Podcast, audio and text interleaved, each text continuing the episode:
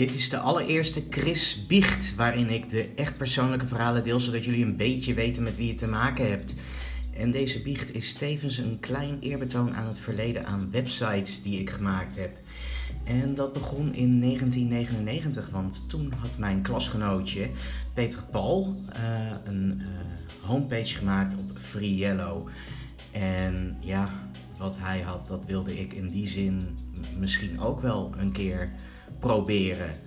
En zo begon het dan ook daar in uh, klas M2C. Uh, van mijn, uh, een van mijn afdelingsdirecteuren kreeg ik zelfs de kans om een online schoolkrant te maken. Maar op de een of andere manier zag ik daar geen hel in. Was, ik was volop in de overtuiging dat ik weg wilde zoeken in de gedrukte kanalen. Want ja, papier staat zo stoer en ik was totaal niet overtuigd van online.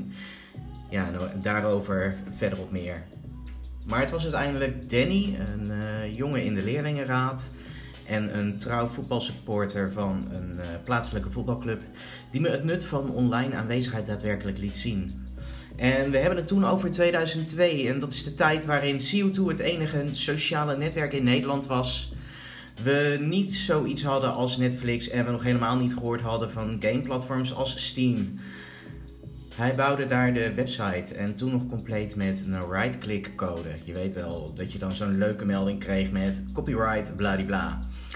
En enkele jaren later was ook mijn eerste echte project daar. Uh, daarvoor had ik alleen nog maar in de marges gerommeld. Ja, onder meer met Microsoft Publisher als generator. En ik denk dat je het nog wel herinnert. Microsoft Publisher, uh, als je daar een website mee maakte, dan werden al die teksten omgezet naar uh, GIF-afbeeldingen. Je had echt een hele maffe weergave. Je kon een website nooit mooi centreren. That kind of stuff. Nou, mijn eerste grote project kwam daarna. En dan hebben we het over de Weakest Link, uh, waar ik ooit aan mee heb gedaan in Nederland. En ik had zoiets van, ik ga gewoon eens een website uh, starten. Alleen die website over de Weakest Link werd achteraf gezien ook mijn allereerste grote flop. En dat was ook wel begrijpelijk, want het, het was voor mij de enige reden om uh, deze website te starten. Namelijk omdat ik deel had genomen. Terwijl, um, ja, als je echt zo'n site start, dan moet je gewoon ook fan zijn. Dus ik ben met verkeerde intenties erin gestapt. Maar toen kwam Harry Potter om de hoek kijken. En nou ja, iedereen die me wel een beetje kent, weet dat ik gewoon best wel een grote fan van Harry Potter ben. En dat leidde in 2003 tot de start van Potterdome. Een van de grotere uh, websites over de jongen die bleef leven. Uh, die zelfs Luc Ikink nog even over de vloer heeft gehad in 2005 of 2006. Ik mocht mijn verhaal doen over de site en dat was natuurlijk fantastisch en leuk. Nou, een tijdperk van teksten maken, forums beheren, sites overnemen. Ik heb er meerdere overgenomen. Nadenken over uh, ja, inkomsten, dus een beetje commercialisering. En wat ons ook niet bepaald onomstreden maakte. En achterban creëren was aangebroken. Het team was soms een regelrechte chaos, maar wat wil je als je een chaot als baas hebt? Maar ik kan veel van deze musketiers op bezemstelen zeggen, maar we waren toch een soort van hecht. Natuurlijk, uh, ook wij maakten af en toe goed ruzie. Maar dat komt in de beste families voor. En we waren ook wel een soort van familie. Uh, ik kan me de sleepovers met uh, onder andere Yvonne en Natasja nog echt als de dag van gisteren herinneren. Eerst in Beverwijk, toen in uh, Egmond, waar ze ook boven een discotheek huis hielden. En later in Heemskerk. En wat waren die tijden mooi. En we gingen ook zelfs met elkaar gewoon op stap. Um, in Beverwijk had men bijvoorbeeld een hele mooie metalkroeg. Waar ik echt gewoon de keren dat ik er was, gewoon het heel erg naar mijn zin heb gehad. En als we dan teruggingen, dan kwamen we soms om vier uur thuis. En dan gingen de kroketten nog aan. en de, de, de, frieten in het, in het frituurvet. En ja, we gingen gewoon echt om een uur of vier, half vijf lagen we een keer te pitten tot weet ik hoe laat. Ja, dat waren mooie tijden. En ook met uh, andere oud-collega's heb ik natuurlijk fantastische momenten meegemaakt. Maar daarover verder op meer, want ik wijk af. Dat moeten we ook. Of uh, ik, ik wijk af, dat moeten we ook niet doen.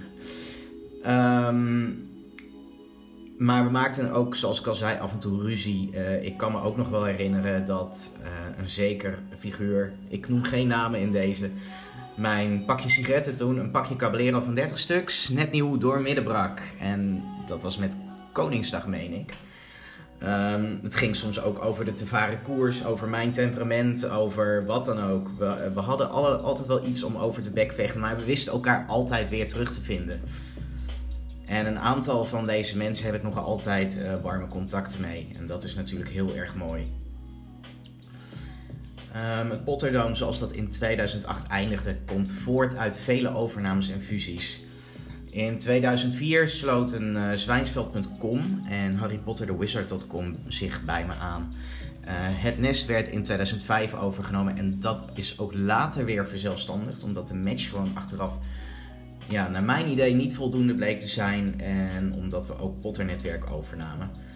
En oud-collega Jelrik uh, van het Nest schreef in een nogal cynische boodschap, tenminste ik las de cynische ondertoon erin, daar Chris het, uh, het onzinnig vond om twee forums aan te houden of zoiets. Nou ja, uh, ik had simpelweg twee uh, mogelijkheden in mijn hoofd.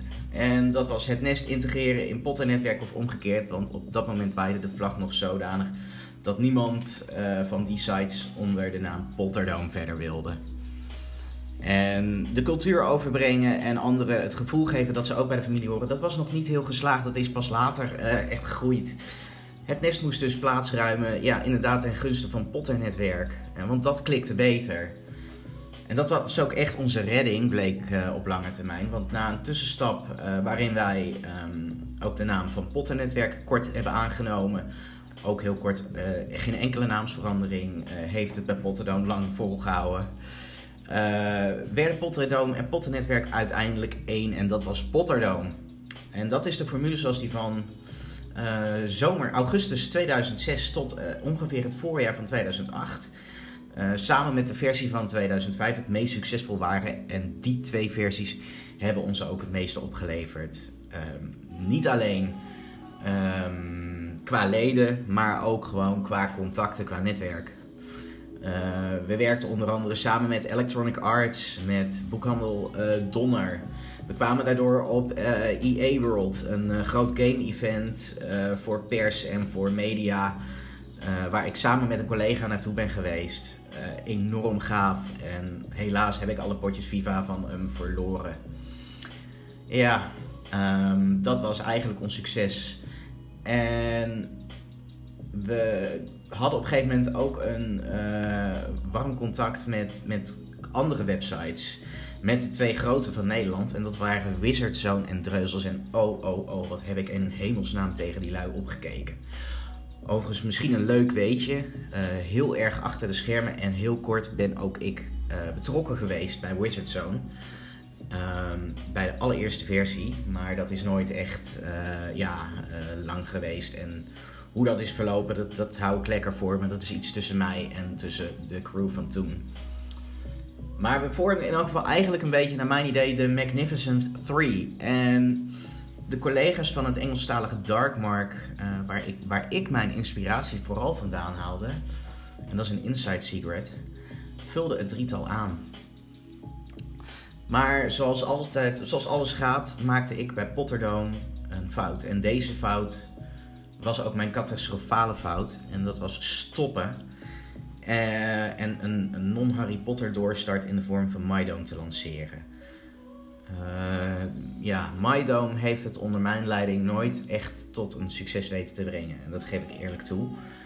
En dat is eigenlijk jammer. Ik dacht dat we het eh, succes van Potterdome konden meenemen in het, succes, in een nieuwe avontuur van MyDome. Maar dat was een misvatting. Mensen die hebben dan een bepaald thuishonk en dat raken ze kwijt. En uiteindelijk zijn ze ook uh, zelfstandig verder gegaan. Uh, de leden van Potter Netwerk, ook weer onder hun oude naam. En dat was voor ons natuurlijk uh, een aderlating.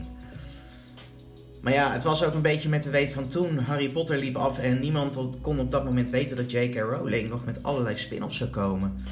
En ik denk dat achteraf gezien er wel meer collega's waren of zijn die misschien zoiets hadden van, ja, misschien hadden wij toch ook door moeten gaan. En het is ook wel zichtbaar bij anderen. Uh, Harry Potter Freaks maakte een doorstart onder de naam Fantasy Freaks. En dat is inmiddels ook weer verdwenen. En ja, Maidon was zoals ik al zei uh, geen goed succes. De formule was gewoon slecht uitgewerkt. En achteraf denk ik dat niemand ja, er een plezier uh, mee is gedaan.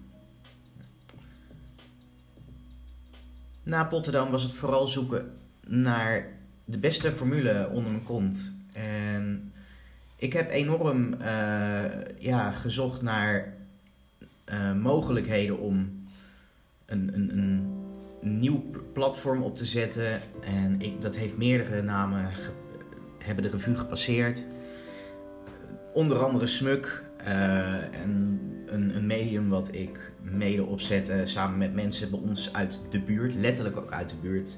Want het hele team kwam op dat moment uit Den Bosch. Um, en in eerste instantie had het potentie en leek het een succes te worden, maar het was toch te veel. Ja, um, het was een ingewikkelde formule wat we probeerden op te zetten. En ja, uh, een team als Potter dan was het niet meer. Maar ja, ik was eigenwijs en ik dacht, mensen in de buurt is misschien handiger. En alle overige formules uit die tijd, ja, het zijn er zat om op te noemen, maar ik ga ze niet allemaal omschrijven. Smuk en Cult Access zijn de meest opvallende geweest.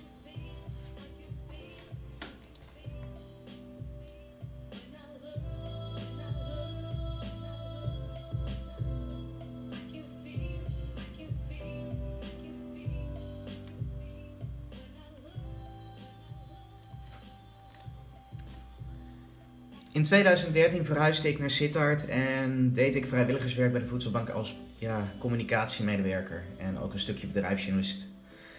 We bliezen het met z'n allen heerlijk op, uh, Don en ik, uh, tot coördinator communicatie. Maar goed, ik zat er en ik zat er ook in mijn uppie om de communicatie te regelen. Dus hey, what the bleep.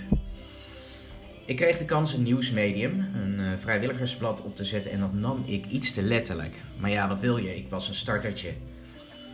Ik stampte een crossmediale formule uit de grond met een tijdschrift en interne website. Maar voor de voedselbank bleek dat al snel too much te zijn achteraf gezien.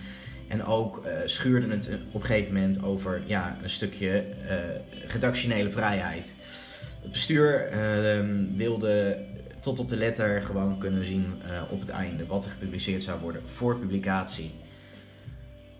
Ja, en op een gegeven moment besloten we ook dan uit elkaar te gaan. En dat bleek de geboorte ook van veeblad.nl en dat was ook de naam van het medium wat bij de voedselbank opereerde. Het ging mee naar buiten en dat is mij nog nooit overkomen. Dat ik iets ergens intern opzet en dat ik het vervolgens mee mag nemen naar buiten. Inclusief alle rechten en dat is gewoon zo mooi. En dat werd dan ook een plek eh, waar vrije creatieve geesten een podium vonden voor nieuws, columns, opinie en rubrieken. En het bleek voor mij ook een persoonlijk opstapje te zijn naar een functie als hoofdredacteur van een gedrukt tijdschrift. En dat was het Whiplash magazine. En ook daar heb ik uh, hem voorzien, hen voorzien van een eigen online uh, medium. Maar dat was helaas een tijdelijke klus. En het zat er op een gegeven moment ook op. Um, ja, uh, dan ga je op een gegeven moment nadenken van hoe nu verder. En dat is één ding wat ik merkte. De geest van Potterdome, uh, die kwam weer een beetje naar boven bij mij en ik wilde die een plekje geven. Want Potterdome stond voor mij niet alleen voor fantasy, maar ook voor het elkaar helpen, ontmoeten en betrokken zijn. En uit die tijd kan ik me herinneren dat je een groep met leuke, creatieve mensen voorziet van leuke dingen. Daardoor zag Fantasize in 2015 het levenslicht. Naarmate de tijd vorderde, stroomden er ook uh, weer anderen in. Een eindredacteur, een redacteur, uh, die nou op dit moment uh, ook weer nieuwe talenten wist te charteren en toen ook. Ik had een prachtig medium in het handen. enkele namen die betrokken waren op een gegeven moment zijn Thijs Steng en Johan Klein-Haneveld. Dat is natuurlijk mooi als je die, in je, die, als die voor je medium schrijven. Maar mijn kennis van popcultuur bleek zo minimaal te zijn dat je je bijna afvroeg van wat doet die gozer hier eigenlijk? En ik zag het verband niet tussen bijvoorbeeld Insidious, en dat is een horrorfilm, als dat een, dat, dat een onderdeel was van de popcultuur. Ik ken Nosferatu uit de jaren 40 niet eens. En dat is een film waar geen tekst in zit, maar wel muziek. Het is een hele ouderwetse horrorfilm. En ik had weinig met Marvel en, en dat soort dingen. Wel ben ik een, ja, dus fan van Harry Potter en nog altijd ook een heel groot liefhebber van ja, de Power Rangers. Uh, ik kijk af en toe serieus nog wel eens naar afleveringen van de Power Rangers. Nou ja, dat moet gewoon kunnen, lijkt me. En er waren zoveel meer redenen om op dat moment te stoppen. Ik was op, moe, lam geslagen. En degene die mij coachte en zei: Ik ben geen geschikte coach, ik moet je na jaren inderdaad gelijk geven. Ik had een andere hand nodig. Het heeft gewoon niet gewerkt. Maar no worries en geen verwijt naar jou toe. Hooguit naar hoe het is gelopen. Het had anders gekund, maar goed. Eind, uh, en uh, ja, dat was het einde. En 2018 werd voor mij ook een soort van tussenjaar om eens goed na te denken wat ik, waarmee ik nou weer eens op de proppen zou komen. Het had ook even niet zo'n prioriteit, want ik begon net bij een start-up in de energie, waar ik uitzicht had op een vaste aanstelling. Maar door een overname door een in hetzelfde pand gevestigde concurrent, die zich overigens vooral op de zakelijke markt richtte, uh, werd ik de laan uitgestuurd. Ik zat er namelijk gewoon als simpele uitzendkracht. In hetzelfde jaar belandde ik bij een sales- en marketingbureau waar ik kennis maakte met het fenomeen bloggen. En dat is misschien wel de basis geweest om een oefenblog op te starten, achwat.eu. Waar ik regelmatig voor blogde, fotografeerde, met een boekenweek geschenktour 10 plaatsen in één dag bezocht. Carlo en Irene interviewden over 10 jaar telekids en weet ik wat allemaal nog meer. En tot zover ook de mooie kant van het verhaal. Want er is ook een, ja, een wat minder mooie kant van het verhaal, of een soort van grijze. Maar aan de andere kant is het ook wel weer positief. Want er gebeurde iets wat ik niet zag aankomen gaandeweg de rit. En dat was dat ik mezelf ging afvragen: wil ik dit nog wel? En met wil ik dit nog wel bedoel ik, wilde ik nog wel online websites maken waarbij de focus vooral lag op artikelen schrijven, op blogjes maken. Um, wil ik nog wel bezig zijn met de techniek, met alles te regelen en zo op die manier? Um, en in die zin grijp ik ook even terug naar het punt papier uit het begin van het verhaal. Want wat is papier nou eigenlijk meer waard dan online of audiovisueel? Is iets wat ik me eigenlijk nu op dit moment afvraag. Papier is geduldig, maar verdwijnt na een poosje in een grote boekenkast, krantenbak of kattenbak. Online vinden we tegenwoordig steeds gemakkelijker wat we zoeken, of dat nou een blog, video, podcast zoals deze, game of winkel is. Uh, gekscherend hebben we met elkaar een second world gecreëerd. En uh, heel gek ook een wereld waarin ik me gemakkelijker kan uiten, merkte ik gaandeweg. Als je al niet zo'n. Ik ben wel een gevoelsmens, maar als je dat niet heel erg kan uitdragen, dan zijn de mogelijkheden van bijvoorbeeld bloggen of van podcast maken een, een uitkomst. Um, en ja, goed, volgens oud vriend en collega, of uh, volgens vriend en oud collega Jeroen, behoor ik, Jeroen Gilhoed behoor ik ook tot de groep website pioniers. Dus ik ben ook enigszins met online vergroeid.